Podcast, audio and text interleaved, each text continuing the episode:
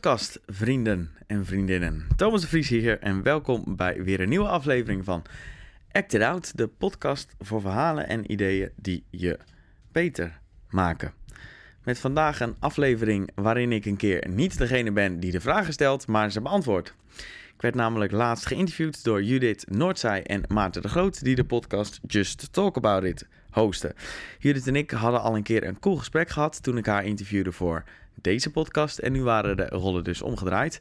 Uh, het werd een tof gesprek met interessante uh, stukken. Vandaar dat ik hem ook op mijn eigen podcast besloot te uploaden. Nou, we hebben het over waarom het advies je moet het gewoon doen het meest waardevolle en tegelijkertijd het meest gebruikte advies is wanneer je vraagt aan iemand hoe ze iets gedaan hebben. Waarom ik zo min mogelijk probeer te oordelen. Wat fitness voor ons drieën betekent. En natuurlijk nog een hoop andere hele interessante dingen waarvan ik lekker niet ga zeggen wat ze zijn, zodat je aflevering moet luisteren om erachter te komen. Zoals altijd, vergeet je niet te abonneren of een review achter te laten. En check vooral ook eens de podcast van Judith en Maarten, Just Talk About It, of hun platform Just The Lifestyle. Die je kunt bekijken via justthelifestyle.nl. Nou, luidjes, voor nu, veel luisterplezier. En zoals immer en altijd, ik waardeer jullie nog steeds. Doei!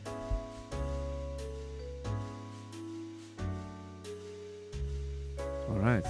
Yes. Lieve luisteraars, welkom weer bij een podcast van Just Talk About It. En we zitten vandaag met niemand minder dan Thomas de Vries. We krijgen nu een applausje erin voor Yes. Thomas, welkom. Leuk dat je, dat je tijd voor ons wil maken om uh, ja, met ons in gesprek te gaan. Just Talk About It. Um, zoals altijd openen wij de podcast um, met de gast. De gast mag altijd uh, een onderwerp uitkiezen wat hij of zij uh, interessant vindt. Dus uh, bij deze aan jou de eer om hem af te trappen. Ah, kijk. Ja, ik wilde alle vragen jullie stellen, had ik al over nagedacht. Um, dus als je vraagt over iets wat ik interessant vind, dan is deze. Ik ben benieuwd naar twee dingetjes. Allereerst, hoe hebben jullie elkaar ontmoet? Hoe ging dat? Maar hoe is de love story ontstaan? Ik, okay. hou, van, ik hou van dat soort verhalen. Zegt ook heel veel over mensen. Zo is interessant. en de tweede, uh, nou, jullie zijn veel bezig met sport, voeding, trainen. Ja. Um, en mijn vraag is, naast een mooi lijf en uh, gezond, uh, gezond zijn, levert fitness jullie nog wat op? En zo ja, wat dan? Alright. Oké, okay. zal ik beginnen met hoe we elkaar moeten hebben? Ja, dat is wel misschien een, haar perspectief. Een, een, een episch, nee, is, een episch verhaal. Hetzelfde, ja. ja, het is hetzelfde. Ja, je weet het niet? Je weet het niet nee, dus. Oh, ik dacht misschien vraag je het omdat je het zo mooi oh, verhaal nee, nee, vindt. Ik vind uh, gewoon, uh, nee, nee, nee, ik vind het verhaal altijd leuk. Oké, okay. nou, wij, ken, wij kennen elkaar via Instagram. Ja. Um, en wie slide als eerste de DM in? Ja, ik was de, wel de slider. Ma Maarten, was, Maarten was een volger. Ja. En ik maakte een story. Het was heel raar, want ik had al best wel wat volgers. Iets van uh, 20.000 of zo, denk ik. 24.000, ja. weet ik nog. Ja. En um, ik maakte een story. Ik stond in Amsterdam bij de Pont te wachten. En er stond, ja, achteraf bleek het zelfs gewoon nog van een, een pizza uh, firma. van een New York pizza volgens York mij. Pizza, met ja. een hele heel groot uh, bord, spandoek. Maar dat zag ik niet van de achterkant. Ik dacht dat iemand, oprecht iemand stond binnen te halen bij de Pont met een heel groot spandoek. Dus ik had gewoon voor de grap een story daarvan gemaakt. Dat ik erbij gezet van uh, wie komt mij morgen zo van de Pont halen. En nou ja, dan komen er allemaal reacties binnen. En heel vaak lees ik niet eens alles. Maar toen lag ik s'avonds in bed nog even mijn overige reacties door te kijken. En zag ik opeens een bericht van Maarten de Groot. En er stond deal. Dat was het. En toen dacht ik, wie is dit? Dus ik ging eens kijken op zijn profiel. Ik zag alleen maar crossfit filmpjes. Toen dacht ik, nou, ja, ik weet niet, maar iets triggerde in me. En toen zag ik dat een collega van mij hem volgde. En hij had maar 400 volgers of zo. Dus toen dacht ik, dan kent ze hem. Nee, kleine, nee, nee, maar meer. Nee, nee, maar meer dan dacht ik, dan kent ze hem misschien echt. Dus ik de volgende dag naar haar toe. Ik zei, Rosa, wie is Maarten de Groot? Ze zei, oh, dat is mijn crossfit coach. Superleuk gast. Um, oh ja, en nog iemand die ik kende, volgde, volgde jou ook, Maartje. En, ja, ja, ja, dus toen zeker. heb ik haar ook nog geappt. Heel raar eigenlijk, want ik kreeg heel veel berichtjes van onbekenden, maar toch deed het iets met me. Toen heb ik haar nog geappt. Ik zo, die Maarten de Groot, is dat, uh, is dat leuk of zo? Wie is dat? Toen zei ze ook, ja, CrossFit coach, superleuk gast. Dus dat ik uh, gereageerd, alleen met een lachende smiley of zo. En de volgende dag heb ik weer een story gemaakt bij de pont. En toen heb ik er dus bij gezet, waar ben je nou? Of waar sta je nou? Ja. En toen reageerde hij weer. Zei hij Voelde ook, jij je aangesproken toen? Ja. Ik voelde me aangesproken. Ja? ja. Want Ja. we hadden, je, bedoel, je, had niet, je had wel meer dan een smiley gestuurd, volgens mij. Ah, oké. Of niet? Nee, alleen die smiley, dat die poppetje met die rode blusjes. Ja. Dat maar het is inderdaad grappig dat je het vraagt, want ik voelde me inderdaad wel gelijk aangesproken. Ja, we hadden nog niet eens heel veel ge- Nee, niks? gepraat, eigenlijk niks. En eh, ik wist wel gelijk dat het over mij ging. Dus toen had Ja. ik gezegd, waar sta je nou? En toen stuurde hij terug, ook sorry, ik stond bij de andere pont. Ah, kijk. En toen gingen we even chatten en toen was het wel zo, het was op een dinsdag of een woensdag, dat ik zei, nee, we gaan niet, ik ga niet opeens nu met ene Maarten de Groot over de Instagram chatten. Dus laten we dan koffie gaan drinken. Toen zijn we op zondag koffie gaan drinken. Ja. Gelijk die zondag ook, hè? Ja, gelijk die zondag. Ja. Vrij Het was En toen gelijk, is het... eh, eh, En toen was het meteen dikke mik. oh, ja, cool. toen mocht ik gelijk mee naar huis en... eh, Nee. nee, dat is ge- gekkigheid. Dat is niet waar. En De toen hebben we... Drie uur Precies. Ja. Nee. Toen we twee uur koffie zitten drinken of zo. En toen Ja. was het helemaal leuk. Dus toen gingen we Cool. daten. Ja, dus Hoe geen, geen? Tinder, Nee. maar eh, gewoon Instagram. Ja. Dit is alweer 2,5 jaar geleden, ja. Ja. Januari 2000. eh, wat ik, waar ik wel nieuwsgierig naar ben, veranderde jouw beeld van haar door die 26.500 eh volgers? In welk opzicht? Ehm, ja, goede vraag. U veranderde überhaupt iets? Ehm, nou ja, kijk, ik ga dat niet onder stoel of banken steken, maar ik volgde haar natuurlijk in eerste instantie omdat ik het gewoon een, een lekkere chick vond. en gewoon een leuk, ja, gewoon een, leuk, gewoon een leuk wijf, dacht ik, weet je wel. En ehm, ja, dat, ik volgde haar en Ja, eh, ik vond het mooi wat ze postte en ik vond ook mooi haar, ik vond haar kwetsbaarheid vond ik mooi dat ze dat eh, postte, want toen had je, nu is het een stuk minder, maar vitiligo, d- er was wel veel meer aanwezig dan, dan Ja. nu. Ja. En eh, ja, ik, ik volgde dat gewoon. En Ah, ik stuurde voor de grap, stuurde ik deal. En dat, dat, de hele, dat dit het vervolg daarvan was, dat had ik nooit, mooi, kunnen, nooit kunnen bedenken. Maar de, ko- de koffie was eigenlijk gelijk ja, super, super gezellig. Ja. Was echt, we hadden eigenlijk wel gelijk een klik en we hebben eh, anderhalf uur eh, zitten, zitten praten. En eh, toen moest jij weg, volgens Ja. mij, want je moest nog dingen doen. Ja. En toen zijn we een beetje gaan appen. Ja, Zodoende. Leuk. dus zodoende. Ja, Dus toen, eh, toen ging ik aan mijn ouders, ja, ik heb een vriend. Oh, waar kennen jullie elkaar van? Ja, van Instagram. Ja. ja. Heb laatst iemand, die, een stelletje, er was ontstaan op Tinder. En die zeiden, ja, we kennen elkaar van, eh, van social media. Toen dacht ik, nee, Nee. Nee, dat is we niet kennen elkaar van Tinder. ja. Oh, Hij ja. wilde dat dan niet zeggen, blijkbaar. Ja, want het het is een prima manier ook om mensen Ja? te ontmoeten, geloof ik. Ja, Ja. hoe cares het Ja, middel? dus eh. tegenwoordig is dat gewoon ja. het middel, toch? Maar wij zaten er gisteren nog over. Wij, we zaten gisteren in de auto. Toen hoorden we reclame. Hoe heette dat nou ook weer? Oh ja, ondeug, eh, on- ondeugende dates. Ondeugenddaten.nl. Ondeugend Er daten. werd reclame voor gemaakt. Ja. Dus dat is dan daten, een soort van Tinder Plus. Dan, daar Zonder komt dus, verplichtingen. Zonder verplichtingen, maar blijkbaar, nou ja, je kan het zelf invullen. Oké. En toen dachten wij van, ja, tegenwoordig is het niet eens meer erg dat je zegt van, hoe heb je elkaar leren kennen via Tinder? Dat wordt een soort van normaal geacht. Maar wat als je nu moet gaan zeggen, ja, we hebben elkaar via ondeugenddaten.nl leren kennen. Ja. Dat is wel next level. Dan zou ik ook wel zeggen social media. ja, of internet of zo. ja. Dan zou ik ook internet zeggen, ja. Ja. Ja. Ja. Ja. Maar goed, dat is het antwoord op de eerste Ja, vraag. leuk.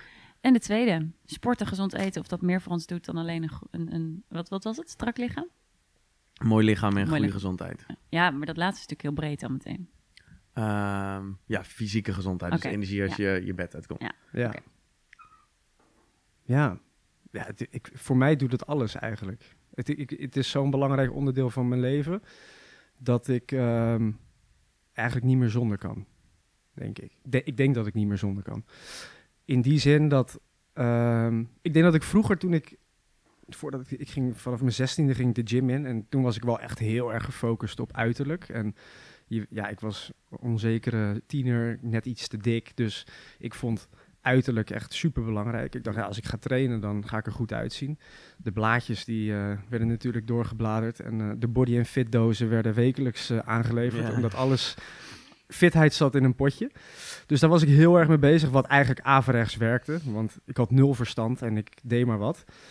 Ehm, en toen ik eigenlijk, ja, dat is inmiddels alweer 15 jaar geleden, maar eigenlijk de laatste jaren is het meer trainen om prestatie geworden en hoe ik me voel in Mhm. plaats van uiterlijk.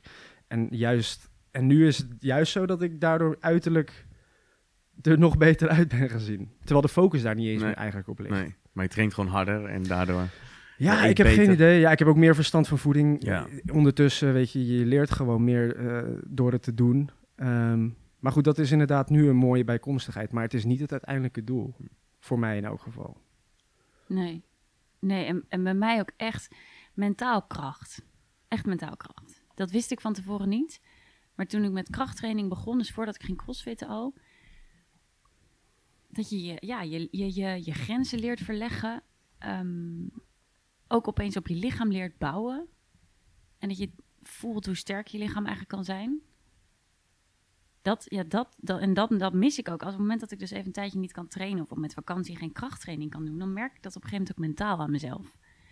Ik vind dat gewoon zo... Ja, het is, ook, het is misschien ook gewoon een soort van drugs... waar je op een gegeven moment aan verslaafd bent, weet je wel. Ja. Maar Wat is het voor jou ja, een verslaving? een Ik ben verslaving. kaas. van- Nou ja, ergens is het wel zo. Ja. Ik Nou, word ik heb, gek ik heb hoor, zeker wel een ik- periode gehad dat het wel echt verslavende trekjes had hoor. Ja. Dat ik echt dat ik dacht dat de wereld verging als ik twee dagen niet in de gym zat. Gek wel? hè, dat dat mentaal Ja, zoveel... eh, ja. Nu kan ik dat wat beter relativeren. Ja. Dat, dat heb ik inderdaad ook helemaal niet. Ik bedoel, meer verslaving. Dat als ik vier, vijf dagen, als ik met vakantie bijvoorbeeld ben en vier, vijf dagen geen krachttraining doe, dan merk ik aan mezelf gewoon van, hé, hey, ik mis het. En dan denk ik, hé, hey, dat is dus een symptoom dat ik het, dus ja, ergens nou, verslaafd ben of zo. ja, of het gewoon graag doet. Het kan ook gewoon Het is natuurlijk op een gegeven moment ook een, een gewoonte dingetje. Het zit in ons ritme. We openen de dag ermee Ja. en dat is gewoon, ja, voor, als ik voor ons beiden kan spreken, is het gewoon voor ons de kickstart Ja. Ja. die, die, die de dag maakt, laat maar zeggen. Vanochtend ook, we, weet je, we moeten hier om tien uur zijn, om, we gaan hier een podcast opnemen, maar we- dat betekent niet dat we niet naar de gym gaan. Weet je wel, dan zijn we om zes uur in de gym in plaats van zeven uur. Ja, dat is gewoon, Ja, routinematig zit dat er gewoon in. ja. Ja. En eh, we gaan er gewoon lekker op. Ja. Ja. Maar ik ben wel benieuwd om inderdaad even de countervraag. Jij hebt natuurlijk ook een periode gehad waarin je nog veel meer met echt training en voeding bezig was. Ja.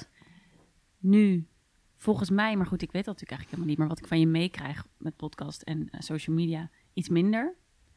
Wat, wat is trainen en gezond eten voor jou en hoe groot is de rol in jouw lichaam? Of eh, in jouw leven ervan? Ehm, ja, op zich doe ik niet minder. Oké, Ehm, maar toen ik ook eh, mensen coachte, Ja. toen was ik er echt heel veel mee bezig. Ook omdat ik iedere dag contact had met, ehm, met mensen. Dus ik ben er eigenlijk nog heel veel mee bezig.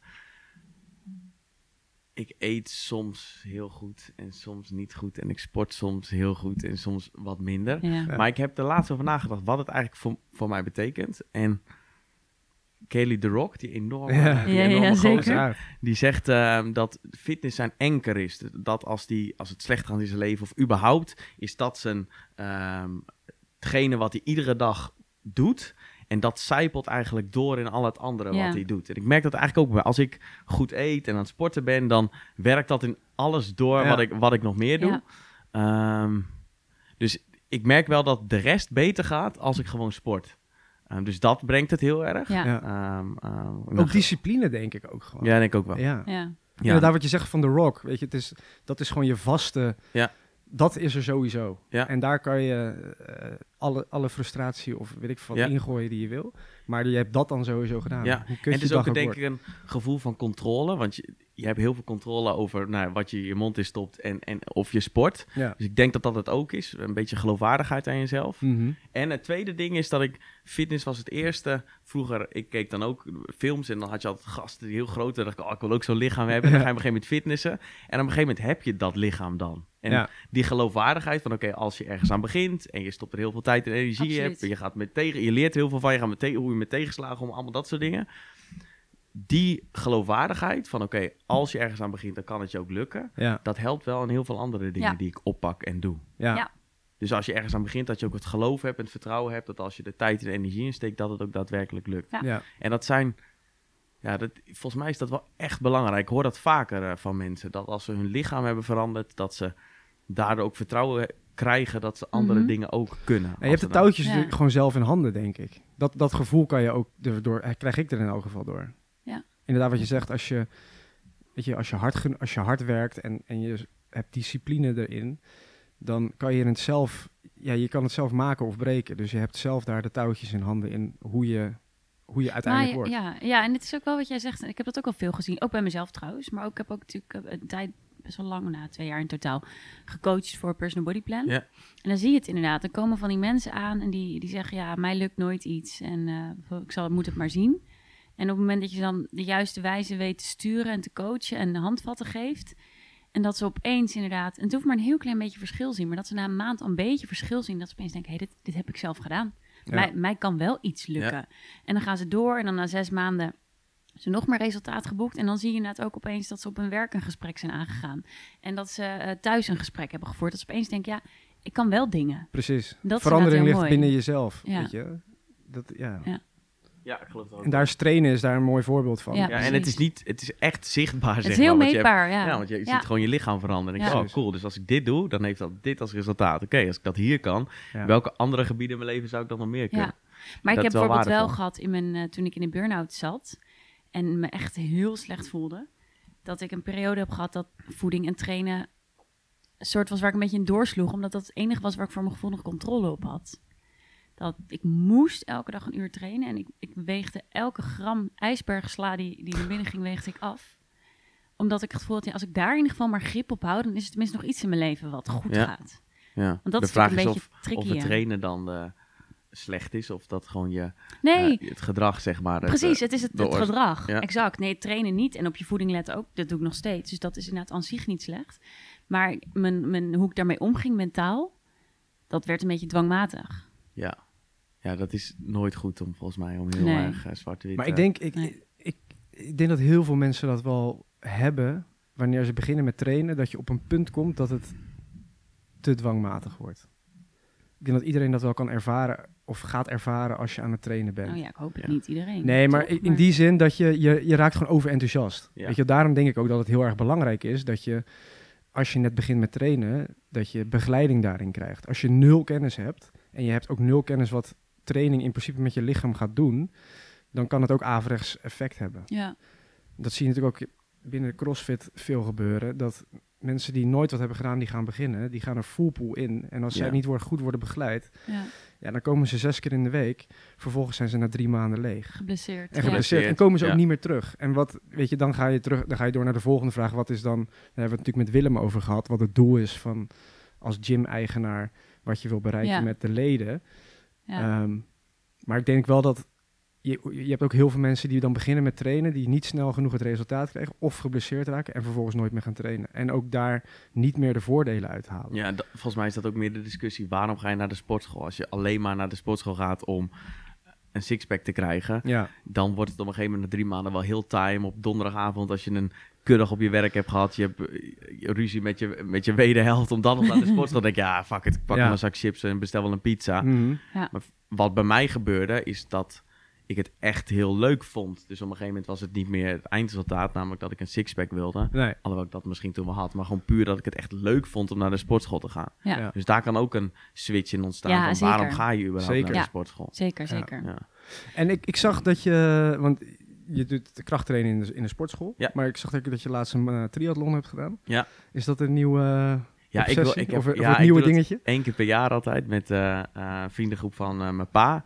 En dan doen er ook wat jongeren, wat zonen mee, zeg maar. En dit jaar, ik doe ieder jaar tegen mijn pa een soort van strijden, alhoewel het niet echt concurrentie meer is. Nee. Hij is nog best wel fit voor zijn leeftijd, maar ja, niet. Hoe oud is hij? Eh 57, Oh ja, meen ja. ik. Ehm, en dit jaar deed mijn broertje ook mee, dus doen we dan Ja, één keer per jaar. En dan eh, eh, ja, is het gewoon niet zo heel 750 zwemmen, 20 fietsen en dan eh 5 hardlopen. Voor Ehm, 750 zwemmen. Dan. ja, dus daar moet je een paar keer voor, eh, een paar keer voor trainen. Maar ik heb wel, ik wil heel graag een keer een, ehm, ehm, een echte doen. Dus ik Een ben hele? Een hele, ja. Gewoon dus een ik ben hem Ironman. stiekem ben ik hem aan het plannen. Eh, Gewoon een Ironman. Een echte Ironman. En waarom ja. wil je dat? Ja, omdat dat... ehm, eigenlijk hetzelfde ook met fitness. Dat geloofwaardigheid aan jezelf, kijken wat er mogelijk is. Dat voelt zo onmogelijk, zo Mhm. groot en zo ongrijpbaar... dat ik dacht van ja, dat, dat ik denk, ja, dat wil ik wel echt Ja. heel graag. Ja. Ik We hebben denk nog een mooi boek voor je als je eh, daarin Oh ja? geïnteresseerd bent. Rich Roll. Oh ja. Oh ja. Ja, je die ja, ik- ja, ik, ik ken hem. ja. Ja. Ja. Ja. die heeft, heeft ook wat die heeft podcast gedaan. Ah, wat eh, die heeft gaan is onmenselijk. Ja, maar Ja. die Ja. Epic 5, heb Ja. je dat? eh, Ja, ja, ja. Niet normaal. Maar heb je het boek ook- gelezen of niet? Eh, Het nee. is echt een heerlijk Maar boek. Ook die ultra, hij doet gewoon ultra runs. Ehm, en dat is dan, dan begin je met 10 kilometer zwemmen. En dan 240 kilometer fietsen. En dan 80 En dan rennen. 80 rennen. Ja, het slaat nergens En hij is pas op zijn 40ste begonnen. Hij, is de- hij, hij was verslaafd, een korte achtergrond in. Hij was verslaafd aan alcohol en hij is op zijn 40ste afgekikt. Is volledig vegan gegaan en is dus. Nou ja, hij heeft dus die verslaving van de alcohol omgezet in de verslaving tot ultra rennen. Maar hij is echt Nou, insane. eh, Maar dat boek is zo inspirerend. Ja. Ja. Zelfs zo inspirerend dat eigenlijk... Jij, jij las hem als eerste en toen zei je van... Als je dit boek hebt gelezen, dan ga je sowieso vegan eten. En eh, Toen zei maar toen zei ik, ja, oh nee, ik ben al vegetarisch geworden omdat jij vegetarisch bent. Ik vind het wel genoeg zo. En ik heb dat boek gelezen en het is me nog meer getriggerd om gewoon Nou ja. daar meer verdieping in te zoeken. Ja. Maar dat is een mooi, als je daar, ik denk Ja. dat je daar wel een mooie En motivatie ik, dat zegt hij eh, volgens mij ook. En zo'n andere gast eh, op Instagram, David Goggins, heb je die wel eens? Ja, eh, die is ook insane, vent. Maar die zeggen, die zeggen allebei ook, als je ehm, met vij- 24 graden op een stoel zit ehm, in je huis, dan leer je niet veel over jezelf. Dat Nee. is pas als je echt je grenzen Ja. opzoekt. Ja. En daar geloof ik wel in. De Ja. momenten dat het moeilijk was in mijn leven, dan, daar leerde ik überhaupt het meeste van. Ehm, nu heb ik over het algemeen een hartstikke mooi leven. Er gebeurt niet zo he- heel veel. Maar dat betekent niet dat ik dat niet op zou kunnen zoeken Ja. op, een, op een leuke manier, zeg Nee. maar. Dus ik, ehm, ehm, ja, zo'n Ironman denk dus- dat er wel bij helpt. Ga je dan dus zo'n Ironman doen om jezelf beter te leren kennen?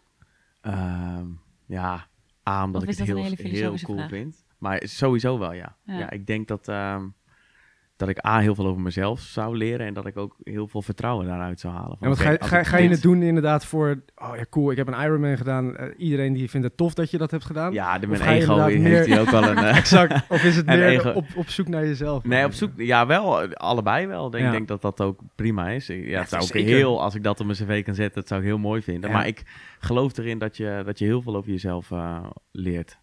Ja, het is wel echt een. Als ik het alleen maar zou doen voor mijn ego, dan wordt het wel echt een Ja. taaie. Want je moet er een jaar lang. Nee, je moet er wel Maar volledig achter Ja, staan, maar ik vind Ja. het wel interessant wat je zegt. Want dat is natuurlijk wel best wel iets, vind ik, van de huidige ja, maatschappij en van onze generatie, denk ik heel erg. Om, ik bedoel, we doen er allemaal aan mee hoor, ik ook. Maar om, om dat soort dingen, marathons, triathlons, weet ik veel, name it, ehm, Mount Everest te beklimmen en dergelijke.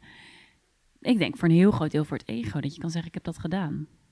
Denk je niet? Ja, ja.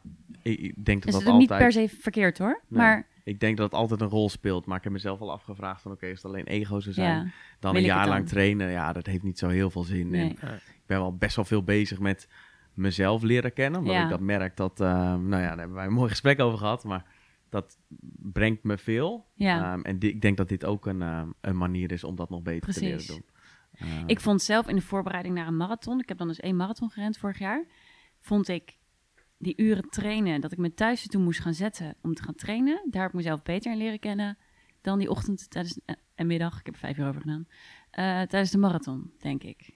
Want dan, dan kom je zelf echt, want dan is inderdaad je e- hele ego ook, doe niet mee. Het boeit niemand nee, dat want jij op als je zondagochtend... 20 uur, als je, dat is ook een ding. Die Ironman, dat is 12 uur lang. Dat iedereen denkt, oh, daarna van, oh, Ja, geweldig. Precies. Maar die 20 uur per week die Ja. je daarvoor moet, niemand kijkt. nee, joh. joh, het ziet boeit ook niemand. En eigenlijk, ik zeg het nu op een podcast van, nou, ik zou het een keer willen doen, maar eigenlijk wil ik het zoveel min mogelijk zeggen. Ja. Eigenlijk wil ik het gewoon doen. Ja. En dat al, Ja. pas als ik het gedaan heb, dat ik dan zit ook nog over na te denken of ik dat dan wel wil delen op social media, whatever. Maar eigenlijk is het beste als je gewoon zo min mogelijk over praat, het doet en dan zeggen dat je het gedaan hebt. Ja. Ja. Ja, joh, en delen achteraf, tuurlijk. Want je mag er ook fucking trots op Ja, zijn. nee, het is oh, gewoon een prestatie. Ja. Zeker. Ja, het is wel echt een bizarre afstand. Ja, het is echt een bizar. bizarre afstand. Ja. Ja, maar ik denk wel, juist daarom is het denk ik goed voor mij om het te doen. Omdat dat, het voelt voor mij zo, ik ben ook geen duursporter. Ik heb er ook geen ervaring mee. Nee. Ja, van één keer per jaar een 1 achtste, maar dat is niet vergelijkbaar. Nee. Ja, als je dat voor elkaar bokst, Ja. door er gewoon een jaar voor te Ik trainen. krijg echt is heel serieus kippenvel bij het idee dat ik 3,8 kilometer moet, zou moeten zwemmen. ik, ik, Ja. echt een mooi verhaal ook nog. gewoon. Ik zink gewoon. Ik, ik, ik Ja, heb- ik heb negative buoyant heet dat geloof ik in het Engels. dat je de- überhaupt zo eh, tegenwerkt. 100 procent. ja. 100% dat ben ik. Ja. Ik weet nog een mooi ver- dus, ehm, Toen wij voor het eerst gingen zwemmen samen in een zwembad. Ja. En ehm, ik, ik dacht dat ik wel redelijk fit was. Ik was ook redelijk fit. Ik crossfitte echt best wel op hoog niveau. Maar er was nooit, zat nooit zwemmen in. Dus ik zwom ook nooit. Totdat er eh, ja, steeds meer competities gingen zwemmen erin. ehm, kwam zwemmen in terug. Dus je moest er toch wel voor gaan trainen. Nou, ik weet nog goed dat wij voor het eerst naar het zwembad gingen. En jij kon, Judith, die kon echt gewoon, die kan goed zwemmen. Die zwemt gewoon 80 baantjes onafgebroken. En Borstkrol. Borstkrol. 80, 100. Ja, maar die heeft ook twee keer de, bo- jij hebt ook twee keer de Bosporus Ja. overgezwommen, 6,5 kilometer. Dat zijn serieuze afstanden. Ja. Ja, god. En ik weet nog goed dat ik in dat zwembad lag. En ik dacht, hoe moeilijk kan het zijn? En de eerste keer dat ik ging, ging ik in mijn eentje. Naar de, wonen we nog in Amsterdam, Ja. naar de die Miranda-bad. Ja. 50 meter buitenbad. Nou, let's go. Ik dook erin. Ik moest baan. gewoon halverwege de 50 meter, kon gewoon niet meer. Ik moest gewoon schoolslag. kut. Ik, ik kwam aan de overkant, ik moest gewoon aan de rand hangen om bij te komen. Ik dacht, En dat, is nog, en dat is nog in een zwembad. Zwembad. Vlak is. Precies. Bij zo'n triathlon Ja. heb je Heb de je eerste drie minuten 50 benen Ja. en handen. En krijg je allemaal water binnen, word je Ja. kort ademen. Ik, dacht, ik wist niet wat ik mee. Ik dacht Ja. echt, nou, dit, dit gaat me niet overkomen. ik heb uitgerust, nog een keer geprobeerd. Nou, toen haalde ik hem net aan.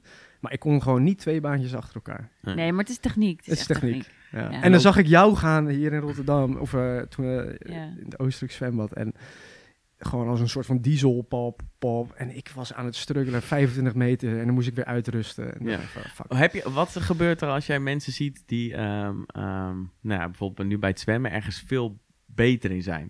Ik heb, ik heb er best wel vaak over. Je, sommige mensen die worden er enorm door gedemotiveerd. En andere mensen denken van fuck you. Ja, ja, ja. Ga ik drie keer zo hard werken om, ik het, om het ook te kunnen? Want- Nou, een, een bijkomend, eh, het is zeker een heel belangrijk dingetje, is dat ik zwemmen gewoon niet leuk vind. Ah, oké. Ja. Dus je hoeft ook niet per se Ik- goed te het- zijn. voor mij hoeft het niet.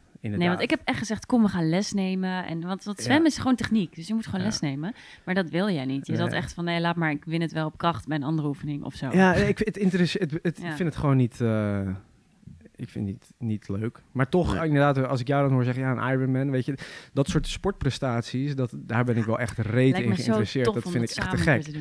Maar goed, Ja. dan moet je dus wel, eh, ja, dan moet je het wel aan, aan het zwemmen gaan wagen. Ja. ja, ik vind ook niet, ik vind fietsen ook niet zo leuk. Ik vind Hardlopen vind ik Fietsen ook vind ik niet zo leuk. En zwemmen Leuk. vind nee, ook echt alle drie vind ik het niet Moi. super. Ik kan echt veel meer dingen bedenken die ik veel leuker vind om te doen. Maar juist daarom. Ja. Succes. Juist daarom. Ja. Ja. Heel tof, ja. En ik vind het wel, wel interessant om te horen, want jij bent, jij bent heel bewust bezig met, ja, hoe kan ik het beste uit mezelf halen? En jij hebt de afgelopen paar jaar ehm, best wel wat keuzes gemaakt, waar denk ik heel veel mensen met bewondering naar kijken. Ik bedoel, je bent voor jezelf begonnen, toen toch weer in dienst gegaan en continu aan een podcast begonnen vervolgens. Je bent continu aan het, aan het pionieren, aan het onderzoeken, aan het ondernemen. Eh, als iemand jou nu zou vragen, wie is Thomas? Wat, wat is dan jouw antwoord? Dat had ik niet verwacht. Nou, ik was al allemaal complimentjes. ook. Ja, ja, ja, en wie is Thomas? Ja. Ehm, ja, die kan je op heel veel verschillende Ja. vlakken kun je die. eh, het is een hele open vraag. Eh, maar als ik hem direct zou moeten antwoorden, enthousiaste gast. Mhm. Ehm, nieuwsgierig naar alles. Ehm, doet zijn best. Ben je bang om op je bek te gaan? Of helemaal niet? Ehm, ja, ik, ja, wel denk ik. Ja? Ehm, ja, ik, ik heb heel lang getennist en ik dacht dat ik op matchpoint tegen op mijn best was. Ik was daar echt heilig van over. Ik dacht, nou, onder druk ben ik op mijn best. Eh, echt ge- geen enkel probleem. Ja. En toen laatst had ik, eh, moest ik weer solliciteren omdat ik weer in dienst ging. Toen was ik, had ik eh, vijf ronden, vier rondes gehad. Ik had de laatste ronde. was een case dag. Daar kun je niet voor voorbereiden. Moet je gewoon heen gaan. Die verknalde ik volledig. Echt, en ik klapte ook dicht. En ik dacht van, gast, wat ben je nou aan het doen? Dit is, we moesten een gesprek voeren met iemand als normaal, waar ik juist goed in ben, maar Ja. ik kwam er niet uit. Ik denk, hoe kan dat nou? En toen had ik het daar met mijn ouders over. En toen zeiden ze letterlijk, ja Thomas, vroeger als jij tenniste, als je dan een eh, de- spannende wedstrijd had, eh, waar je eigenlijk beter was dan de dan vond je het altijd lastig, zeg maar. Dan, dan speelde je nooit. En matchpoint tegen was dus niet jouw Dat was je beste zwakste punt. Ik zo, hè? En toen kom ik er wel achter dat ik, ehm, ja, dat ik het moeilijk vind om fouten te maken. ja. Ja. Ja. Maar toch, ma- maak, weet je, ik vind het zo, zo, zo knap hoe jij, hoe jij toch wel dan dus met, met die angst keuzes maakt, bepaalde keuzes maakt. Voor jezelf beginnen. Je begint mensen te coachen op sport en voeding. Ondertussen denk je, oké, nee, dit is het toch niet. Ehm, snap je? Ik vind, Ja. dat, ik vind dat heel mooi. Waar komt Ja, dat ik, vandaan ik, dan? Ik denk dat het, alhoewel, ik vind het leuk dat je zegt dat je dat knap vindt, maar ja. ik vind dat ik, ik word vaker nog wel tegengehouden door dingen hoor. Dus het is niet zo dat, ehm, ehm, dat alles wat ik wil doen, dat ik dat zomaar doe. Nee, ik laat me er niet altijd door, door tegenhouden. Ja. Ja, ik kom er ook achter. Ik dacht op een gegeven moment dat ik het heel belangrijk vond wat anderen van me dachten. Mhm. Mhm. Ik heb daar heel lang over nagedacht, ook met iemand die daar eh, zijn, haar werk van heeft gemaakt. En toen kwam ik erachter dat het niet, ehm, dat het niet zozeer is dat a- boeit wat andere mensen van me denken. Als ik namelijk ergens zelf achter sta, dan interesseert me namelijk echt geen reet. Met die podcast, als mensen zeggen, ja, wat is dat nou? Dan zeg ik, ja, dat vind ik leuk om te doen. Dus Precies, ja, ja. als je het niet leuk vindt, moet je niet luisteren. Ja, Ehm, maar dat het mijn eigen maatstaf is, die ik heel belangrijk vind. En ik heb de neiging om die wat hoog ehm, ehm, te zetten. En als andere mensen me bewust maken van ehm, iets wat ik gedaan heb dat niet voldoet aan mijn eigen maatstaf, dan vind ik dat in één keer heel erg kut. Dus niet zozeer wat andere mensen van me denken, maar mijn eigen maatstaf. Ja. Ehm, ik weet eigenlijk niet waar ik naartoe wilde met deze, dit verhaal. Ik geen idee, het klinkt, je, je klinkt was, mooi. Nee, ja, je was aan het vertellen dat je wel die, dus die, die, hoe, in hoeverre je aantrekt wat anderen ervan vinden. Oh ja. ja, ik weet alleen niet meer waarom ik dat nou weer zei. Omdat ik zei dat je ondanks die angst stappen zet. Ehm, ja, oh ja, dat is de. Om, en als ik, als ik het zelf gewoon cool vind om te doen, dan maakt het me niet zo Nee. heel veel uit. Nee. Ehm, maar vaak is wel, en dat is een dingetje, als je ergens nieuw en iets nieuws doet, namelijk een podcast of zo, dan kun je het gewoon nog niet. Dat is ook logisch, Nee. want je hebt het nog nooit gedaan. Nee, ja. En dan heb ik wel de neiging om dan al gelijk de lat enorm hoog te zetten. Ja. En dan is het wel lastig om nieuwe, Maar ik nieuwe denk, dat, dat- dingen ik denk te dat dat voor heel Ja. veel mensen wel geldt, inderdaad. Dat de, gelijk de lat heel hoog leggen. Ja. Ehm, en daardoor eigenlijk, nou, daar hebben we het vorige keer ook met, eh met Suzy over gehad. In de vorige podcast. Dat dat juist het te hoog leggen van die lat je gaat verlammen in de weg naar dat doel. Ja, maar wat je voor jezelf kansloos. zegt. Ja. Omdat Ja. je het veel te perfect voor jezelf hebt, Ja. eh, hebt neergezet. Ja. En dan komt er gewoon helemaal niks meer uit je hand. Ja, joh, en dat zie ik ook heel veel in de, in de workshops die ik geef. Mensen die heel graag iets willen. Het kan iets heel groot zijn als eh, voor zichzelf beginnen, maar het kan ook iets kleins zijn, zoals bij, bij je baan eigenlijk bijvoorbeeld vragen dat je, of je een dag minder in de week mag werken. Ja. Ehm, nee, dat is het verkeerde voorbeeld. Maar iets, iets, ze willen iets anders, iets veranderen. En dat kan een grote verandering of een kleine verandering zijn. Ehm, en op het moment dat ik dan vraag waarom, waarom doe je dat niet, dan is inderdaad heel vaak het antwoord ja, dat kan ik niet. Nee. En dan denk ik, nee, maar als je iets nog nooit hebt gedaan, dan dat is het helemaal, helemaal heel normaal dat je dat Ja. nog niet kan. Dus, dus dat zou toch helemaal niet de remming moeten zijn om het niet te doen. Dan denk je, ik ga het doen, want ik ga het leren. Ja. Maar we zijn inderdaad heel erg bezig met ga ik het doen. En dan vervolgens, ja, we laten ons tegenhouden dat we iets niet, nog niet kunnen. Ja, we Ja. zien heel veel. van- Ik denk dat je. Ik ken dat van mezelf ook wel. Dat je een, een eindproduct heel erg voor jezelf in, voor ogen hebt. Hoe iets gaat worden. Maar dat je het proces helemaal niet. Tot dat doel helemaal niet ehm, uitdenkt voor jezelf. Of dat je dat helemaal niet ziet wat je daarvoor moet gaan doen. Nee. het kan Ja, met hele kleine, het kan met hele kleine stapjes. Kan, Ja. Kun je al op weg gaan naar dat doel. Maar die eerste kleine stapjes, die zien mensen vaak Ja. niet. Omdat ze Ja. alleen maar het eindproduct Ja. zien. Volgens mij is vertrouwen ehm, de eerste stap nemen als je het, het eind niet ziet Ja. of zo. Ja, en dat is wel echt iets, als je terugkomt op wat fitness voor me gedaan heeft. Ja, Dat heeft fitness wel echt voor Ja. me gedaan. Dat ik, oké, ah, toen ik begon met... En het is ook grappig als je, als mensen zeggen van, ja, dat kan ik niet. En als je dan uitlegt van, ja, nee, maar je, je moet ook fouten maken. En juist Ja. door het te doen, leer je ervan. Dan landt dat heel vaak niet bij Nee. mensen. Maar als je zegt van, ja, als je naar de sportschool gaat, je hebt nog nooit ehm eh, gesquat. Ja, als je dan gelijk 130 kilo op je Ja, nek nee. doet, dan stort Exact. je in gewoon. Exact. En dan is het in één keer wel van, oh ja, Ja. ja, dat is inderdaad logisch. Ja. Maar als je de... ehm, volgens mij is het een heel groot... Ben ik ook wel... Daarom heet mijn podcast ook Act It Out. Ja. Ik vind het verschil tussen weten en doen. Er zit een... Het is gewoon kennis en wijsheid. Je kunt dat wel zeggen tegen iemand. En dat klopt ook. Maar als ze dat niet geleefd hebben... of ze hebben Ja. dat nog niet gezien in hun Ja. eigen... da- Ja, de kans dat ze het dan echt snappen... en ook Ja. nou ja, beseffen... is heel klein. Ja, klopt. Vind ik inderdaad een mooi voorbeeld wat je noemt. En dat weet ik ook wel in de begeleiding van de mensen, dat je dan ook op een gegeven moment, dat je af, en- af en toe zei ik gewoon tegen ze van, kijk heel even waar je drie maanden geleden stond. Toen tilde je twee kilo en nu heb je tien kilo in, je, in elke arm, weet je wel. Van, je boekt gewoon progressie. Je kunt opeens al veel meer. En dan zie je mensen ook wel bewust worden en denk oh ja, oh ja, ik kan, ik kan het wel. Dus dat is Ja. um, vind ik een mooi voorbeeld wat je noemt. En dan wou ik net nog iets vragen. Hierover. Oh ja, nee, want over de podcast dus gesproken. Jij hebt natuurlijk een plaatje wat misschien eh, en ik weet niet of je er zelf bij stilstaat, maar ik denk dat heel veel mensen die wellicht dromen van het beginnen van de podcast, die kijken naar jou en denken, oh, hij, hij heeft dat gewoon. Hij heeft een podcast, hij heeft heel veel luisteraars. Ehm, zo, zo wil ik ook zijn of worden. Hoe was het voor jou toen jij begon? Hoe is dat proces gegaan? Heb je er lang over nagedacht voordat je begon met de podcast? Ja, ik weet... Denk dat ik... Nou, een jaartje of vier of vijf geleden... Ja? toen luisterde ik al eh, naar Joe Rogan en eh, naar Lewis House en zo, in Ja. de Amerikaanse podcast. En toen had ik al zoiets van, wauw, dit is zo vet. Je kunt, dat je gewoon mensen die een goed verhaal hebben kunt interviewen, daar heel veel van kan leren en dat dan kan verspreiden. Ik had daar heel veel aan. Ja. Ehm, maar ja, toen heeft het toch wel een tijd geduurd. En toen was er op een gegeven moment, ik weet nog wel dat er... eh, de trainer van Gary, Vaynerchuk, die eh, marketing eh, guru uit Amerika, zijn personal trainer, die volgde ik, omdat ik toen, was ook een online coach en ik deed dat toen ook. En die zei me gegeven jongens, als iemand een podcast start, ik wil zijn eerste gast zijn, moet je binnen 24 uur een mailtje sturen. Dus ik had die mail gestuurd van, nou, ik wil graag een podcast beginnen. en toen, nou, is goed, eh, wanneer wil je beginnen? Ik zei, ja, ik moet nog even de apparatuur kopen. En dat duurde toen ehm, drie maanden of zo.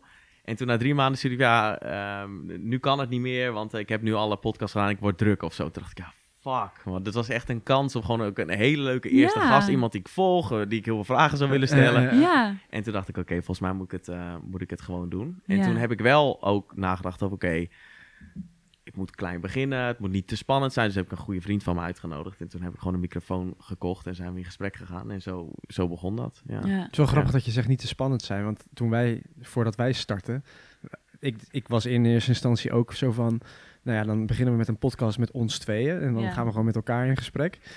En, eh, En jij was gelijk van, nee, we moeten gelijk met een knaller erin komen. Want eh, het moet gelijk, eh, gelijk groot. En eh, ja, oké. Ja, ik heb bewust ook gezegd, ik neem vijf afleveringen op en dan evalueer ik. Ook om Ja. de drempel een beetje laag te houden. Ja.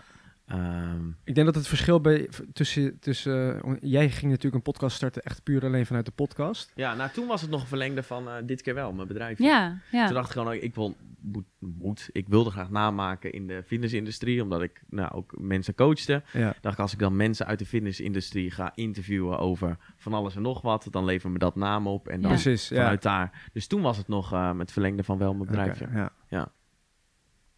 Cool. Ja, ik, ik zat inderdaad gewoon te denken van ja, we hebben gewoon mo- een mooie grote naam in ons netwerk. Laten we, laten we met de knaller beginnen. Ja. Komt misschien ook omdat ik al een aantal podcasts had opgenomen eerder. Wat uiteindelijk ook een goede beslissing is geweest. Ja. Want die podcast is nog steeds het best beluisterd met eh Sarai. Ja, Ehm, dus dat was uiteindelijk een hele goede keuze. Wat een Ja. leuke eh, chick is dat. Ja, ja. Ja. En dat was een oud, is een oud collega van mij. Ze kennen haar ook gewoon heel goed. Toen Ah, dacht ja. ik, ja, dat is wel gewoon vertrouwd. Het is niet alsof ik iemand uitzoek, weet je, wat ik helemaal niet ken en waar ik heel zenuwachtig van word. Nee. Dus toen vond ik dat wel, eh toen dacht ik, ja, dat is dan wel een goeie. Ja. Ja, Maar ik weet nog wel dat wij, eh, voordat we starten, eh, om het, laat maar zeggen, even te hebben over ehm, dat, dat doelen, als je ze te groot maakt voor jezelf, dat ze, dat ze ook verlammend kunnen werken. Dat qua apparatuur en zo, ik, ik, ik wist gewoon niet wat ik, waar ik moest beginnen, weet je wel. En ik moest echt, eh, het moest gelijk heel goed zijn. Want ik moest gelijk de beste apparatuur hebben, want anders werd de podcast een flop. En daar heb ik echt, nou ja, dat heeft even geduurd voordat we de soort van de eerste stap zetten Ja. om het uiteindelijk te kopen. Omdat Ja. ik heel onzeker was over het feit of we, of we wel Ja. het goede deden, weet Ja. je wel. Terwijl uiteindelijk boeide het helemaal geen reet. Al hadden we een, eh, op, op onze iPhone opgenomen. Dat had Je moet ook gewoon goed beginnen. geweest. Je moet gewoon beginnen, weet Ja. je wel. En ja, dat heb ik wel, sinds wij ook samen zijn gestart, begin ik dat steeds meer te leren ook voor mezelf. ja we, le- we leren door te doen. Exact, dat is wel echt het credo geworden eh, in mijn hoofd in elk geval. eh, Of in ieder geval van ons, hoe wij Ja. samenwerken. Van, fuck it, we doen het gewoon. Weet je wel, we zien wel waar het schip strandt. Ja, ja ik, ik vind het altijd. eh, ik heb een boek in mijn hoofd die ik ooit wil schrijven. En dat, gaat, dat boek heet Gewoon doen. In een wereld waar doen niet gewoon is. Want ook, je, je stelt nu die vraag aan mij: van nou, eh, hoe ben je begonnen? En eigenlijk wil ik zeggen: ja, je moet het gewoon doen. Ja, Ja. Alleen voor mensen die het nog niet gedaan hebben, is dat het meest waardeloze, antwoord. wat je Ja. kan. Ja, je moet gewoon doen. Ja. Als mensen dat tegen me zeggen, denk ik ja, rot op. ja, Ja, ja, de- I know, maar ja, Ja. toch doe ik het niet, Hoe? weet je wel? Ja. Ja, het, het, het, is, het klopt. Het klopt echt, want je moet het ook gewoon doen. Ja. Maar Nee, maar jij gaf nu een heel goed antwoord. Eigenlijk vind ik. Want kijk, het, het antwoord is namelijk wel: hoe ben je begonnen door iets te doen? Misschien moeten we het gewoon doen. Dat moet je omschrijven. En jij hebt dus gezegd wat je hebt gedaan. Ja. Je zei, ik, ik, ik, want je moet in beweging komen. Ja. Wat jij net zegt, en dat kennis, kennis en wijsheid, dat is, iedereen roept wel kennis is macht. Ik denk het niet. Eh, bewegen is macht. Ik bedoel, je moet in actie komen.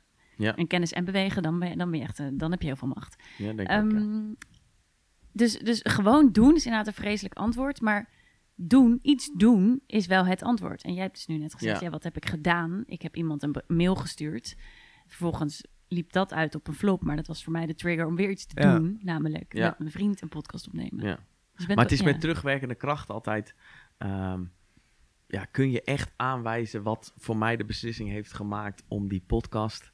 Ja, dat kan zoveel oorzaken he- he- hebben. Misschien was het wel het juiste moment of ehm, was ik in een moment in mijn leven dat ik dacht, nou, nu wil ik echt een keer verhalen. Ja. I don't know. En Ja. door te zeggen van, nou, ik, ik maakte het klein en ja, volgens mij kun je heel vaak niet echt duiden waarom je dingen doet. Nee, je, moet- je, moet, je, je moet het willen. Ja, Toch? Ja, dat vind ik nog steeds. Als mensen ook aan me, ik krijg dat heel, vraag, heel vaak de vraag over ondernemen of een boek schrijven of iets. Of, of hoe heb je dat gedaan? Dan denk ik, het gaat, hier, het gaat hier helemaal niet om de vraag hoe ik dit heb gedaan. Nee, Jij twijfelt of je dit wel wil doen. precies. Dus Ja. Want dan als jij het echt wil, dan lukt het je echt wel. Ja. Dan, ga je, dan ga je ervoor. Dan ga je dus iets doen. Dus het zit hem in de wil. ja denk ik volgens mij, eh, ik, ga, ik ga een eh, filosoof quoten. Ja, dat is goed. Nietzsche, die ken- Ja? Ja. if you, someone who knows the why can bear any how.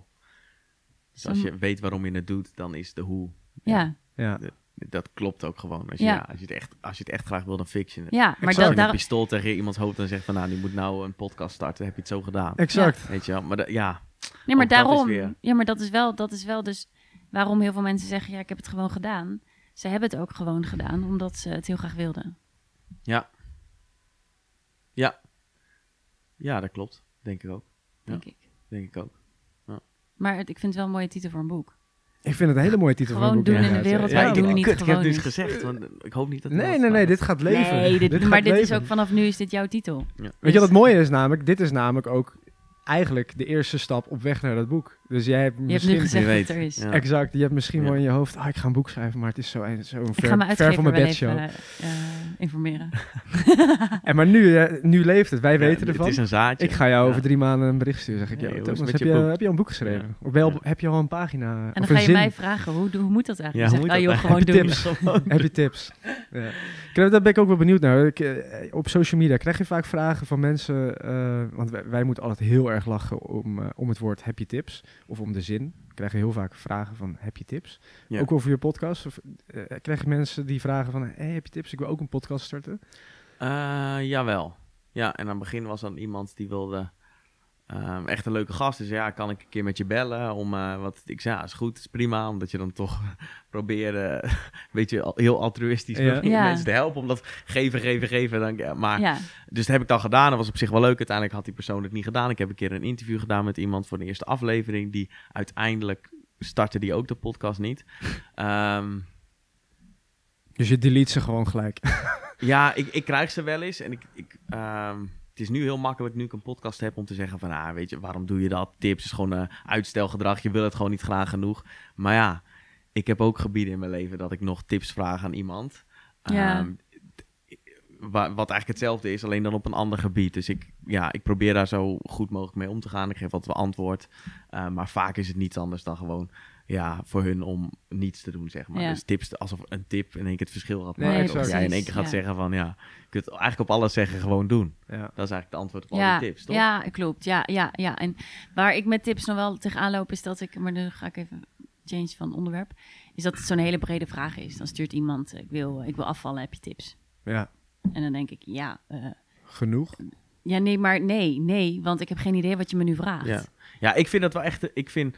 Ik krijg best wel vaak eh, van dat soort algemene tips. Ja. Of ehm, dan stellen ze een vraag en dan lijkt het soms alsof ze het een eer vinden dat ze die vraag aan mij stellen. Dat ik denk, ja, wat is mijn incentive om hier heel lang en uitgebreid een antwoord op te gaan geven? En als je dan een vraag stelt, is het misschien wel handig als je zegt van, nou, ik zou het tof vinden Ja. als je hem beantwoordt. Of ik weet dat je druk bent. Ja. Of eh, ehm, Ja. zou je me misschien, je hoeft niet heel uitgebreid antwoord te geven, maar zou je misschien een richting in willen duwen. Dat je in ieder geval een beetje rekening mee houdt dat het me wel tijd kost om Ja. die vraag te beantwoorden. Niet dat ik het niet wil, maar dan denk ik al van ja, je, ik ben ook nog best wel brutaal door de vraag, hoe, hoe je de vraag stelt. Ja, ja, jullie ja, dat ook wel eens? Of Ja, oh, denk, oh, dat heb ik, ja. Ja, ik heb, ja, maar ik krijg meer dan 100 berichtjes per dag op Instagram.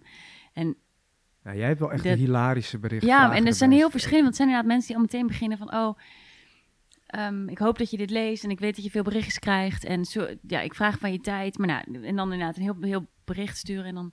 Dan daaronderaan zit van, nou, heb je dan misschien een tip hoe ik dit op kan lossen? Ja. Daar wil ik echt met alle liefde reactie op geven. Maar inderdaad soms hele epistels. En dan van, ja, nee, en eigenlijk weet ik al dat ik het niet kan. En eigenlijk lukt het me toch, mij lukt toch nooit Ja. iets. En, en dan onderaan, tips? Vraagteken.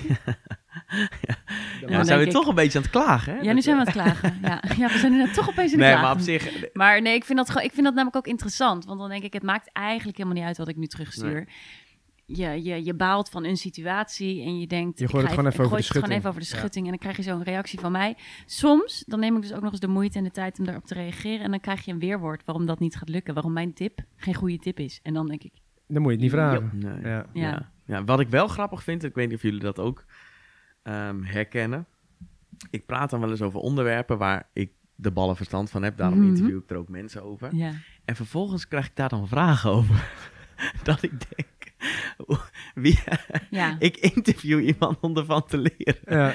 Maar dus na één interview blijkbaar eh, heb, ben jij deskundig? G- ja, Ja. geven Ja. ze me de deskundigheid om daar dan vervolgens vragen. Dan denk ik, ik heb niet zoveel geleerd van mijn studie, maar wel één ding dat ik geleerd heb is als je een bron hebt, als iemand dat zegt, dat je even verifieert wie dat heeft Ja. gezegd en of ze wel de geloofwaardigheid hebben om dat te kunnen Ja, zeggen. ja. Ja. eens. Maar ik goed- stuur ook heel vaak terug hoor, van oh, daarvoor moet je bij een deskundige zijn en dat ben ik niet. Ja. Nee. Maar voor, voor mensen die helemaal geen... Kijk, jij bent dan bezig met een interview en met het onderwerp bezig. Maar voor mensen die daar helemaal geen verstand van hebben... omdat ze niet met het onderwerp bezig zijn... ben jij al een soort van degene met kennis. Ja, nee, dus ik, ik weet meer, eens. Dus da, da- Ja. v- vanuit die, die optiek zou je het kunnen, maar je zou ook na kunnen van, oké, ik wil iets weten over investeren, waar ik de laatste tijd, om daar heb ik een aflevering op Ja. opgenomen, krijg ik vragen over. Je ook kunnen nadenken, wie zijn de mensen die daar echt Ja, verstand van hebben. En Ja. ik heb in de show notes heb ik gewoon een hele lijst met boeken die ik heb gelezen, waarvan ik ze ook zou aanraden dat zij ze ook gaan lezen. Ja. Dan zou ik dat eerder doen. Ja. En tegelijkertijd is het ook ja, best wel bijzonder, toch? Dat je van mensen, eh, onbekende mensen, blijkbaar Heel. de deskundigheid krijgt toegeschreven. Ja, heel. om, eh, ja, Heel ik- Daarom, ik vind, het, ik vind het echt een... Ja, ik vind het een heel bijzonder iets. Eh, Hoe vaak ik ook lach om vragen als heb je nog tips... en waarover ze dan inderdaad tips vragen... omdat het veel te brede vragen zijn. Maar het is inderdaad wel ja, heel interessant... dat mensen inderdaad het wel het vertrouwen in jou hebben... dat jij, ze hun, dat jij hun het ja, antwoord ik gaat vind dat Ja. wel iets, echt we- iets moois gewoon. Ik ook. Ja. Ja. Ik ook, absoluut. Vinden jullie dat je verantwoordelijkheid hebt over Mhm. het advies dat je geeft? Hebben we het wel ja. over gehad in onze podcast. Hebben we ja? Oh. Ja. Oh, maar dat vind ik niet erg. Ja. Dat vind ik niet erg. Oh, daar hebben we het over gehad. We hebben het ja. over gehad, ja. Want jij, jij vroeg toen inderdaad. Ja, Ja. Want van, ja, want jij hebt het Dat over was gehad. een thema. Maar dat maakt niet uit. Ehm, Nu ben ik trouwens de vraag aan het stellen. jij Dat bent nu is- de, ja, maar dat is toch wel ja. leuk? We zijn toch Dit gewoon is met de elkaar hele in gesprek? Nee, vind ik niet. Op het moment dat ik zeg, ik ben naar rechts gegaan en dat heeft voor mij heel goed uitgepakt.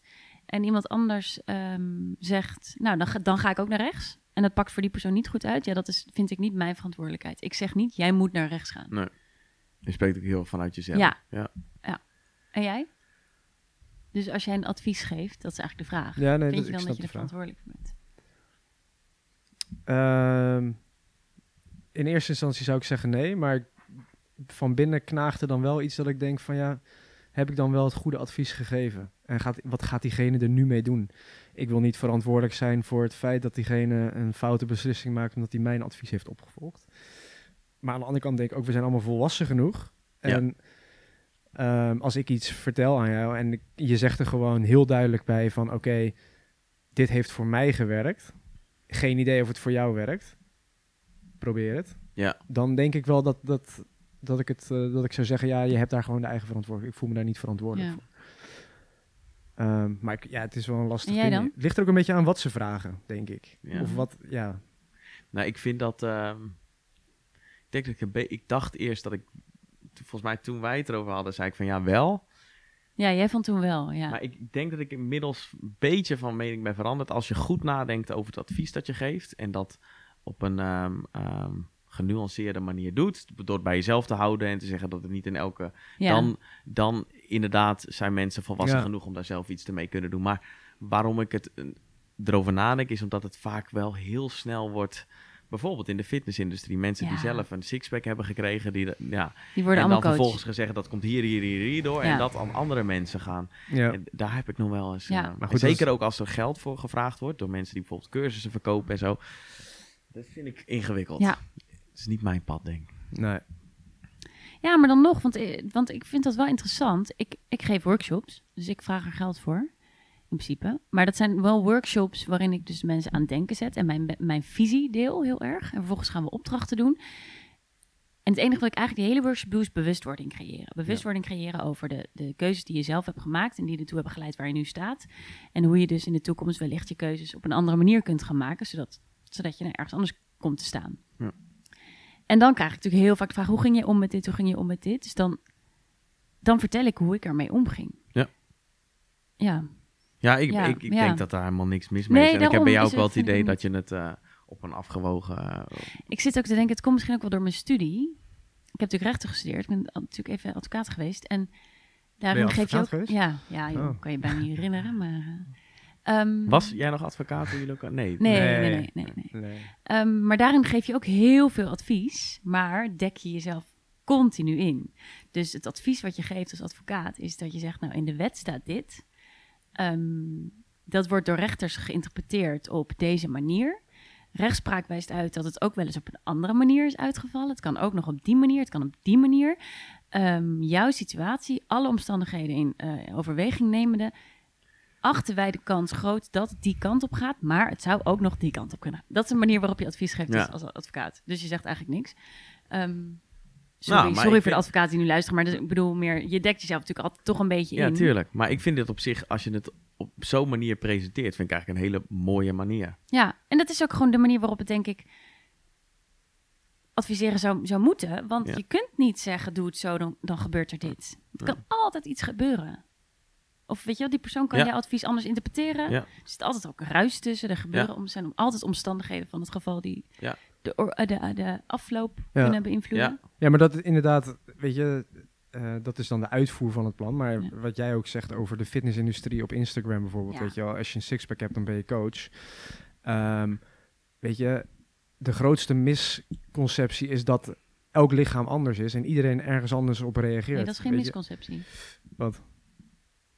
Nee, zegt- dat alles voor... eh, Dat er Ja, dat alles, dat Ja. alles, dat alles gelijk is, precies. all. Ja, precies. En dat wordt ja. natuurlijk vaak gepretendeerd op, Ja. op social media. Inderdaad, eh, oh ja, dit is voor mij, eh, heeft voor mij gewerkt, dus dit is de manier, weet Ja. je wel. En Ja. daar, wordt, ja, daar prikken heel veel mensen niet doorheen. Nee. En dan, ja, dan kom je echt van een koude kermis thuis. Ah, we hadden laatst ook toen dat we bij iemand zagen die had een blog geschreven over hoe je gezond kunt lunchen.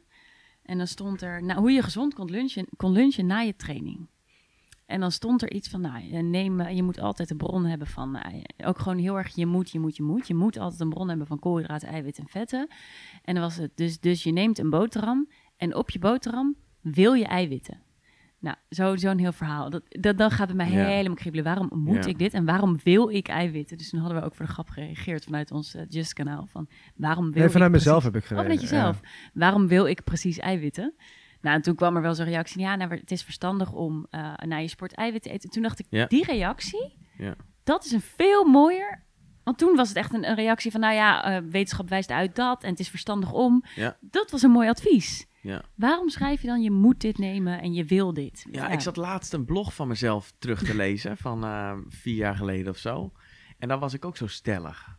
Ik denk dat als je begint met het schrijven van blogs, dat je heel graag gehoord wil worden. Ja. En dat je dan automatisch wat stelliger wordt in de manier waarop je het uitspreekt. En hoe lees je dat dan terug? Daar ben ik heel benieuwd naar. Want als ik zoals iets van mezelf teruglees van een aantal jaar geleden, dat ik echt denk van, heb ik dit opgeschreven? Ja, Weet je ja. wel, dat je zich echt was ik het nog, met de kern was ik het wel eens. Maar ik dacht, nou, hier zit wel echt nu wat nuances in. Precies, Eh, ja, ja. die- maar op zich, ja, dat vind ik wel oké. Ja, is ook Ja. oké, ja. Ja. Nee, maar het is, soms, het is heel grappig om soms terug te Ja. lezen wat je, wat je vier jaar geleden Ja. hebt gedaan, weet je, of terug te zien. Ja, ik dacht, je doet heel erg je best, Thomas. Dat, Ja. dat dacht ik. Ja. Nee, maar ik heb het vaak als...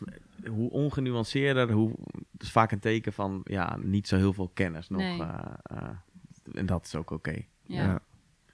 Ja, en dat is, dat vind, dat is, dat is wel, wel af en toe lastig, want je merkt wel dat, dat volgers willen heel graag ook een ongenuanceerd antwoord. Die willen weten, is dit goed of niet goed?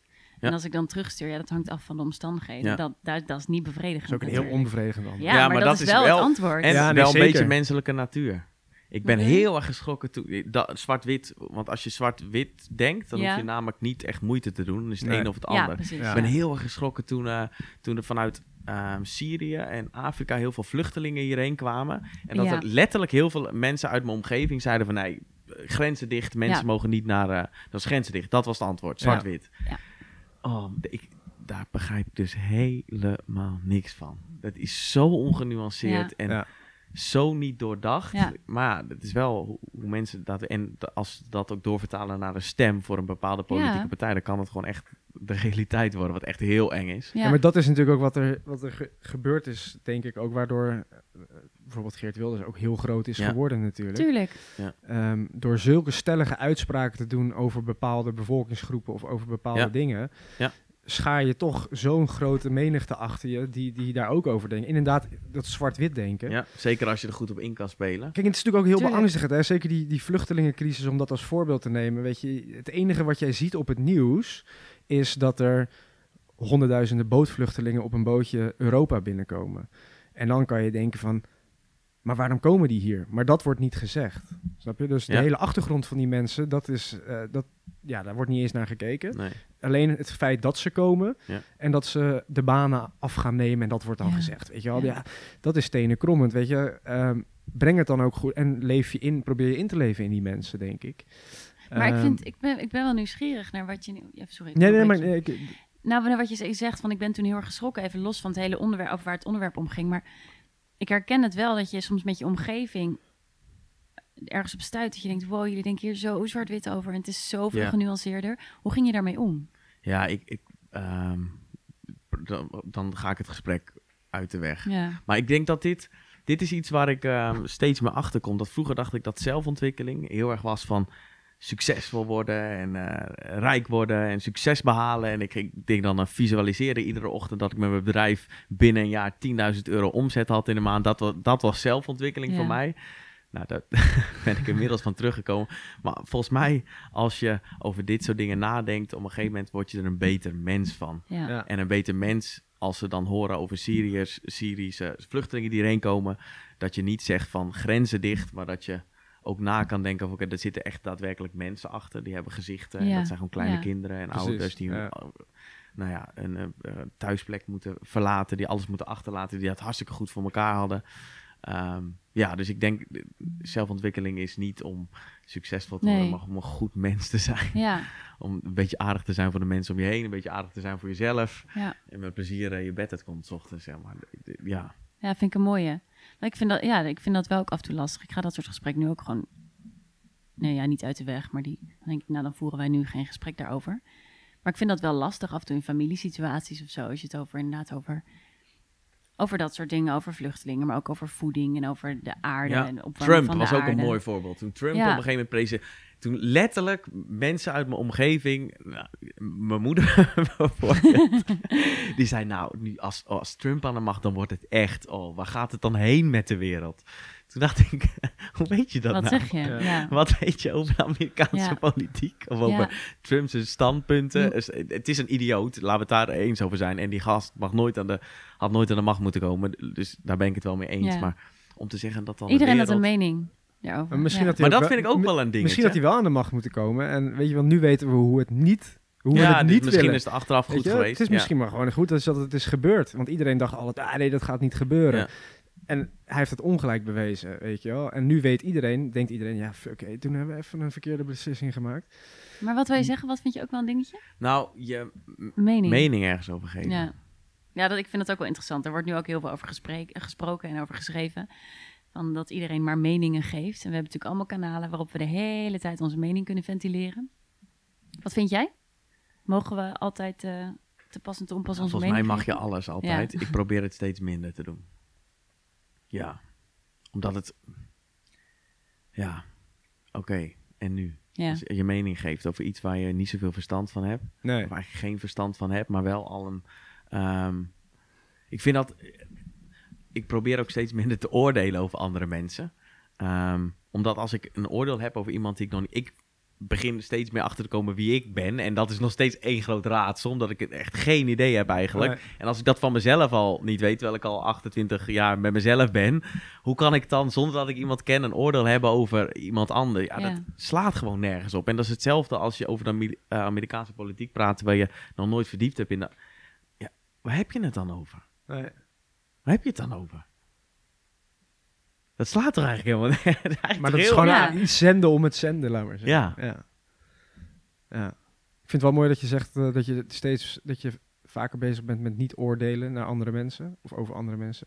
Vind ik, dat vind ik ook zeer actief mee bezig.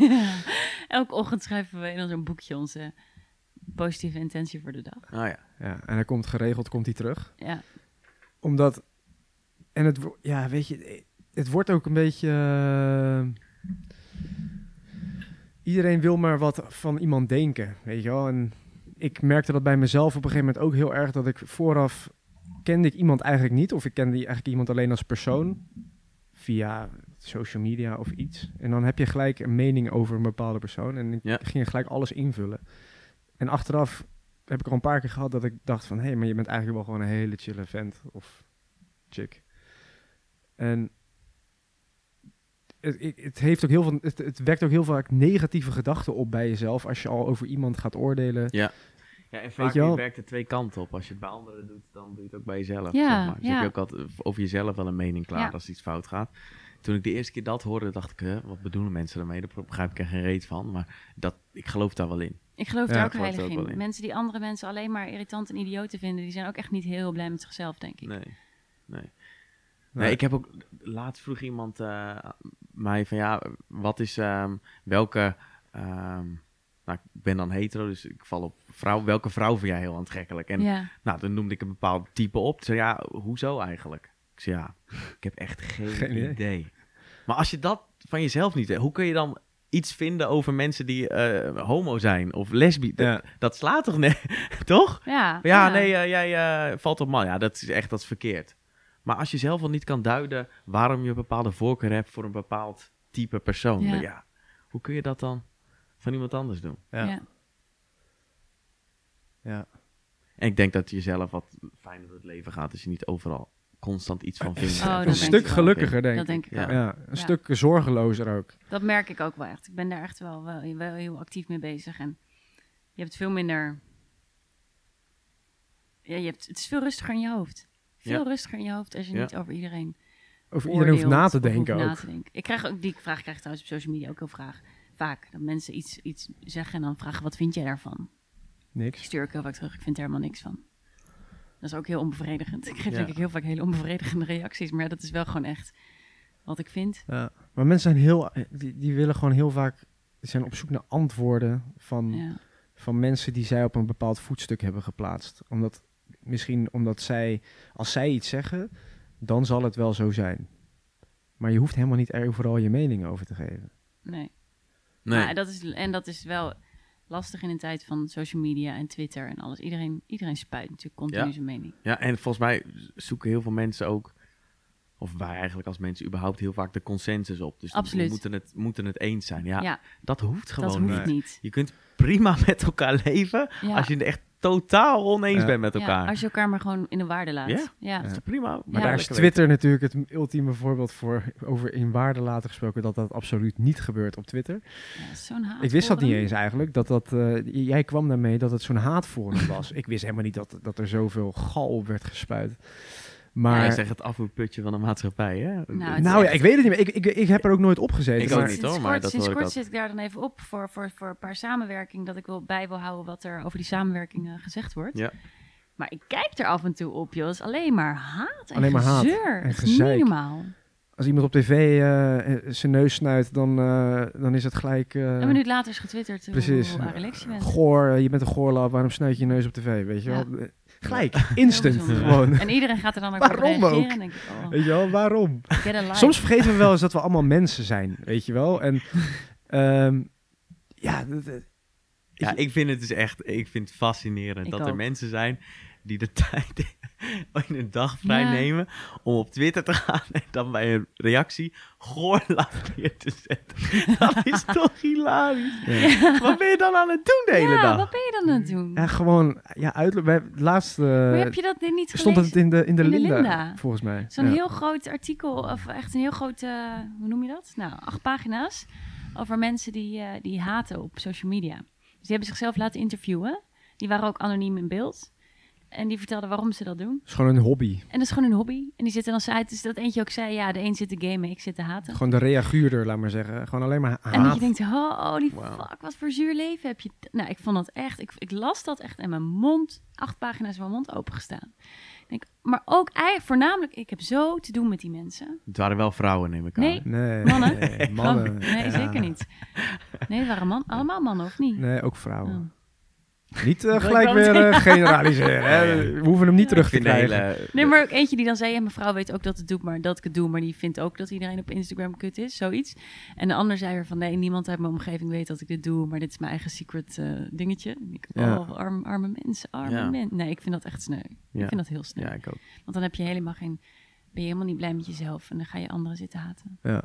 Ja. Maar jij bent, eh, want je zegt dat je eh, actief bezig bent om niet meer te oordelen over mensen, of, of minder te oordelen over mensen. Dat heeft al heel erg veel met, uiteraard met gedragsverandering te maken van jezelf. Ik zag ook een paar podcasts voorbij komen waarin je dat eh, uitgebreid uitlegt. Ehm, ben je er veel mee bezig met, met gedragsverandering? ja, heel veel. Ja, dat is wel eh, het topic van de afgelopen tien jaar, denk ik. Ja. Ja. Ja. En voor, en hoe is dat zo gekomen? Waar, waarom is die interesse daarin gekomen? Ehm, ja, toen ik begon met... ehm, ik heb ooit het boek De Zeven Eigenschappen van Effectief Leiderschap gelezen. Dat was Mhm. het eerste boek qua zelfontwikkeling. Mhm. En toen dacht ik, wauw, dat, als je dat dus toepast, dan krijg je dus daar echt een beter leven van. Ja. Eh, toen dacht ik, oh, dat wil ik graag doen. Alleen, ja, dan moet je het vervolgens wel gaan doen. En ik ben uiteindelijk afgestudeerd in de gedragsverandering. eh, op organisatorisch niveau. Dus hoe, als er een nieuwe, eh, als er cultuurverandering is, hoe krijg je mensen dan ook zover om daadwerkelijk anders te gaan gedragen? Ja. Ehm, nou ja, daar, dat werd opgeborreld, die interesse. En toen ging ik op een gegeven moment ook fitnessen. Ehm, ehm, toen werkte ik bij een verkooporganisatie waar het ook een thema was. eh, zelfontwikkeling en je gedrag veranderen en de beste versie van jezelf. Eh, ehm, ja, dus door verschillende manieren is, dat, is die interesse aangewakkerd. En ik vind het, denk dat de weg naar een goed leven, ja, dat gaat wel gepaard met gedragsverandering. Ja, Ehm, ja, en ik probeer wel een zo goed mogelijk leven te leiden. Dus daar hoort ook wel bij dat je dan eh, ehm, nou, je gedrag aanpast op sommige vlakken. oh shit. Hoi, moet u hierin?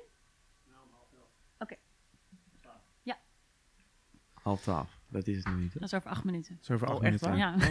Wauw. Ehm, nee, ja, in- interessant. Ik vind, ik vind het mooi, want ik, ik ben de laatste tijd eh, ook veel boeken aan het lezen. En dat Zeven Eigenschappen was een van de eerste, was eigenlijk de eerste die ik ook las. Ehm, en ik zag, laatst zag ik een ehm, mooie, zag ik een post van eh Thijs Lindhout. En die had een, een eh, die sprak voor een groep. En die had het erover dat zelfontwikkeling, het overmatig lezen van zelfontwikkelingsboeken, eigenlijk er ook voor kan zorgen dat je een soort van helemaal niet meer zelf. Ja, dat je stagneert. Precies. En dat heeft me wel echt aan het denken gezet. Dat ik dacht van ja, ik heb de afgelopen, het afgelopen jaar heb ik vier of vijf boeken gelezen over mindset, zelfontwikkeling, gedragsverandering. Dat ik dacht van ja, heeft het me echt nou beter gemaakt? Ik ben er bewuster mee bezig, maar het is niet zo dat ik echt hele concrete doelen nu heb voor mezelf wat ik wil veranderen of iets.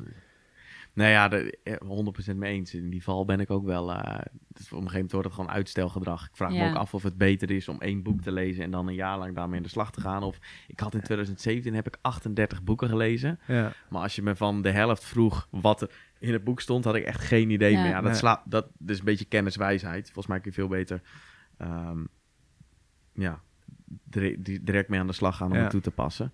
Maar ik, eh, ja, ik krijg dat ook vaak. Ja, al dat lezen heeft dat wel zin. Je moet er ook gewoon doen.